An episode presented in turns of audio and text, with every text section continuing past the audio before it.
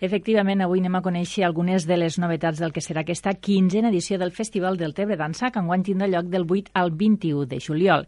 I per conèixer aquestes novetats tenim a l'altra banda del fil telefònic el fundador del Del Tebre Dansa, el ballarí i coreògraf Roberto Liban. Roberto, què tal, com estem? Benvingut al dia Terres de l'Ebre. Hola, bon dia. Bueno, parla'm una mica, ja ho tenim quasi, quasi tot a punt i tot preparat perquè dissabte vau fer la presentació oficial d'este del Tebre Dansa. Pues sí, Lluïsa, mira, vam fer ja la presentació una cosa que no havíem fet mai cap altre any, perquè bueno, sempre esperàvem el dia 1 del festival per a poder parlar de les coses, o la gent s'enterava per la pàgina web o per les xarxes socials, i aquesta vegada vam pensar que estaria molt bé fer una, pre, una presentació en temps, en temps vista per a que eh, poguéssim fer una mica, pues, pues, 4 cèntims, 5 cèntims de lo que serà, i, i va ser molt bonic, va ser un, una, una tarda, nit ben bonica, uh -huh i, eh, i res, bueno, si vols comencem a parlar una mica de lo que de, serà. De les novetats, perquè suposo que tot varia una mica, no? Arribem a la quinzena edició. Sí. Eh, de fet, per a mi, arribar ja als 15 anys, en l'alegria que tenim detrás, perquè tenim moltes ganes de que la cosa arranque ja, i el que se sent per, per la gent de, del poble, la gent que va assistir-hi també, eh, això ja és un èxit, perquè de veritat 15 anys el, el festival se mos, se mos ha fet adolescent i a vegades també se fa una mica rebel. Llavors... costa una mica més de controlar, no? I també es va fent grandet i costa una mica més de controlar. Tot això, tot això junt, i tot bastant, amb bastanta energia, sí, perquè, perquè sí, mai haguéssim pogut imaginar que hagués pogut arribar a on, a on estem ara. Llavors estem supercontents que poguéssim eh, contar-ho. Llavors, eh, hi ha una cosa molt important, que és que, i això se demanava fa molt de temps, i la gent ho demanava molta raó, i era el tema dels abonaments, uh -huh. sí, perquè hi ha gent molt fidel al festival que ve cada dia, cada dia ve a veure els espectacles. Llavors, per tema de practicitat i per fer un petit descompte, pues, vam fer una... Eh, vam, vam arrencar ja aquesta idea de, dels abonaments i ara sí que l'hem fet real. Llavors, això significa que eh, fins al dia 7 de juliol, òbviament, perquè el dia 8 de, de, de juliol comença el festival, l'abonament se pot aconseguir. Això sé també que eh, si l'abonament se compra abans, això s'ha de mirar a la pàgina web, perquè això eh, tot estarà, estarà ficat per allí. Però abans del dia 1 de juny, me sembla que hi ha un petit descompte també aplicat. Llavors, un, això, un 20%, un 20% de descompte si es compra entre el 22 i el 31 de maig. Eh, exactament, molt bé, gràcies Lluïsa, però porto bastantes coses al cap estos dies. Ara mateix, bueno, cal dir que estic, estem conversant des de Tilburg, des de Holanda. Bueno, sí. O sigui que va ser acabar la presentació. Va, va ser acabar la presentació, Roberto, i marxar, no?, perquè estàs impartint uns cursos aquí a Holanda, per cert. Sí, sí, sí, uns cursos i una creació, una creació d'una gent, eh, una, una universitat que sol vindre bastant a, a Deltebre. De fet, són aquest tipus de cosetes el que fan, lo que fan viva, eh, viu el festival. I és que, bueno, en aquestes cosetes vaig fent arreu del món, vaig plantant semilletes. Després venen tothom a Deltebre i a gaudir-hi. Clar, perquè supo, suposo Llavors, que na, eh... nosaltres tenim la idea, a part de continuar els abonaments, tenim la idea que el Festival del Tebre Dansa són 15 dies, però és que el Festival del Tebre Dansa ara, de la manera que és ja, i en el que ha aconseguit créixer, és tot l'any, no, Roberto? Tu com aquell que diu, estàs, esteu tot l'any treballant lo, lo del Tebre Dansa. El Festival del Tebre Dansa és molt més de lo que sembla de veritat. De detrás, detrás hi ha tot un equip, hi ha un engranatge bastant, bastant fort, eh, que el dia després, en quan s'acaba el festival, òbviament tenim un, uns dies, una setmaneta en què, en què descansem tothom, zero, res, res, res, però en seguida ja estem fent enquestes, valoracions, estem parlant amb molta gent per veure de quina manera se pot millorar el festival. I, i t'asseguro que hi ha molta, molta moguda per detrás. El que passa que ara és quan se comença a veure. Eh, el tema dels abonaments és un detall jo crec que també, per a mi, personalment, arribar als 15 anys i veure que hem tingut, hem arribat a tindre un públic tan especial i tan fidel, eh, per a mi voldria personalment dedicar-li esta quinzena edició a la gent del poble, a la gent que, que fa públic, a la gent que, que, que, que fa que tingui sentit que l'artista vingui pujar a l'escenari i, eh, i tingui tot aquest públic tan, tan generós. Llavors, eh, vam pensar que, a més, a més dels abonaments, eh, hauríem de d'incrementar una miqueta més el que serien els cursos d'iniciació. Uh -huh. Perquè hi ha cursos que ja quasi, quasi podríem dir que no són d'iniciació, perquè hi ha gent que hi ve tots els anys i comencen a tindre un nivell bastant bo. Però sí que hi ha altres camps que es podrien ampliar. Llavors, hi ha dos cursos que s'afegeixen als que ja existien abans. O sigui, teníem dansa contemporània, teníem Bollywood, teníem circ contemporani, teníem el hip-hop, i ara sí que, i la creació del teatre de dansa, que després parlarem, però ara hem afegit el que seria el Afro-Caribbean Dance, o sigui, una espècie de dansa africana, uh -huh. i um, el que li direm Senior Dance, que és una, un taller per a jubilats o gent major de 65 anys. Què et sembla, Lluïsa? Home, déu nhi tindreu tots els públics coberts ja, eh? Perquè ja tenim els minuts, ja tenim la iniciació, ja tenim la dansa post per als infants, inclús teníem la dansa en família i ara arribem ja a, als més veterans, en aquest cas a la Senior Dance. Vull dir que em sembla que són unes incorporacions i unes novetats molt boniques i a la vegada que també ajuden a, a encara a acabar de, de fer créixer més el Festival del Tebre Dansa.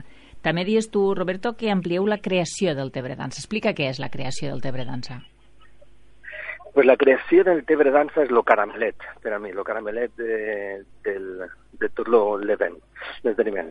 Què està passant? Eh, arriba un, un director, un corògraf, eh, gent professional, que eh, el dia 1 del festival, eh, el primer dia quan ens trobem tots, eh, coneix a la gent que s'ha presentat per fer aquesta creació, o sigui, gent de, de les associacions del Tebre, gent del poble, gent que realment té passió, té ganes de pujar a l'escenari i no és professional, i este noi, en este cas Eric Jiménez, eh, en una setmana munta un espectacle, que és el que després se mostra, se mostra al, a la carpa del Llavors, eh, sincerament, si ho penses fredament, una setmana només fer una creació d'una hora en 50, 60 o 70 persones que a vegades ens trobem allí, és una bogeria, però és al·lucinant que puguem eh, arribar a fer-ho.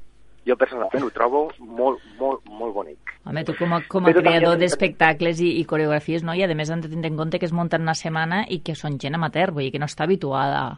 Sí, exacte, exacte. Normalment se tarden tres mesos per muntar un espectacle, Lluïsa. Llavors, el que aquí es fa, òbviament hi ha molts de detalls que s'haurien de treballar en el temps, però una setmana arriba el que arribem i a tocar la fibra de la gent, doncs ja estem molt contents. Per el que farem és començar una setmana abans i així tindré dues setmanes de creació. Mm. Teniu esforç i intensitat a lo que seria aquesta creació. Això vol dir que a partir del dia 1 de juliol, eh, qui estigui interessat, que ens ho faci arribar, que ens ho faci saber, i ja començaríem a, a muntar este, este espectacle.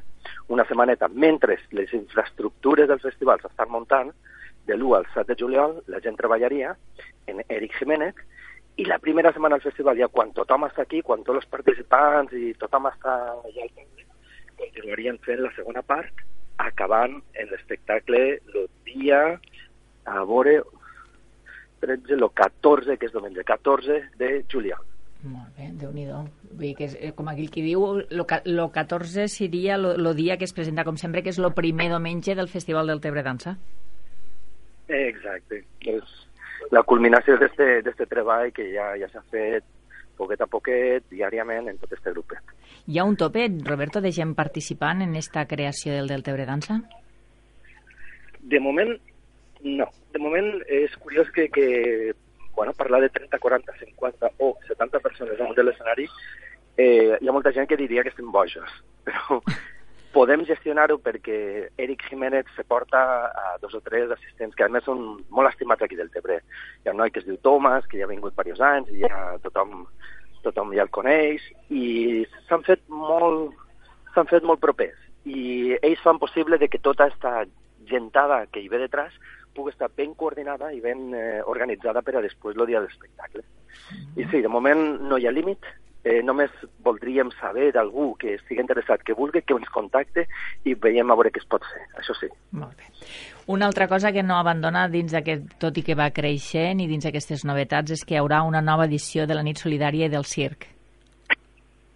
Sí, eh, esta cosa ja comença a ser un, un clàssic. La nit solidària i del circ és una cosa molt bonica.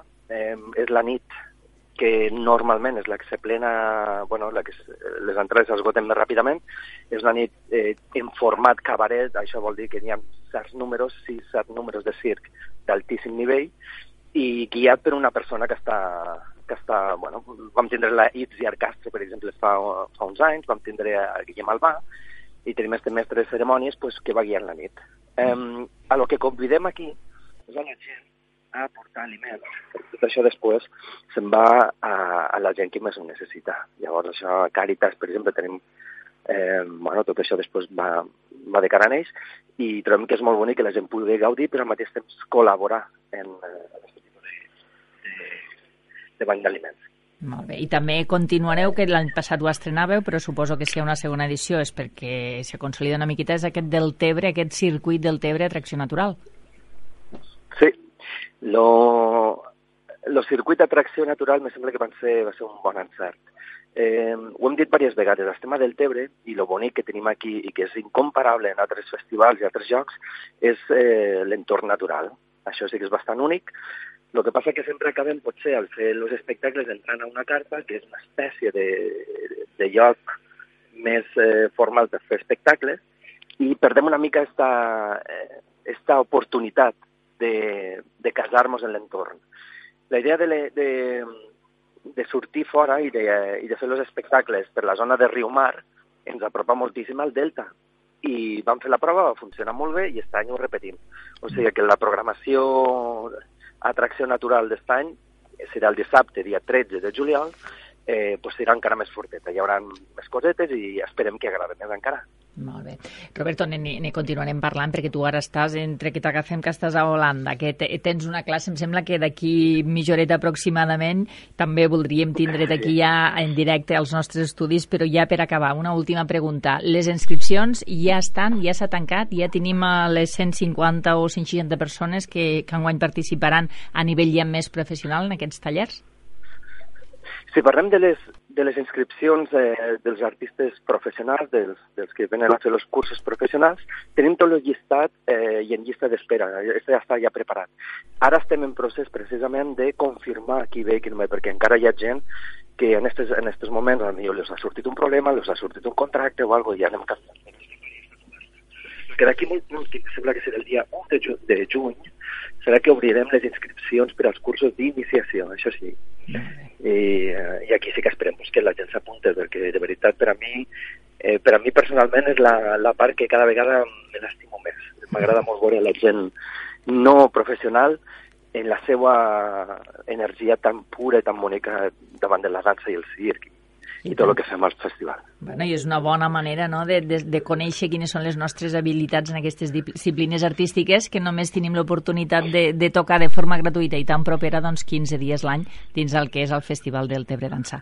Roberto, fundador del Festival del Tebre Dansa, director coreògraf, et deixem que, que continues treballant i com sempre moltíssimes gràcies per haver atès els nostres micròfons i començar a donar doncs, aquestes, aquestes pinzellades del que serà una edició considerada molt, molt important, com dient, d'aquesta quinzena edició. Roberto, gràcies i fins a propera. Vale, moltes gràcies, Lluïsa. Vinga, Adeu. bon dia.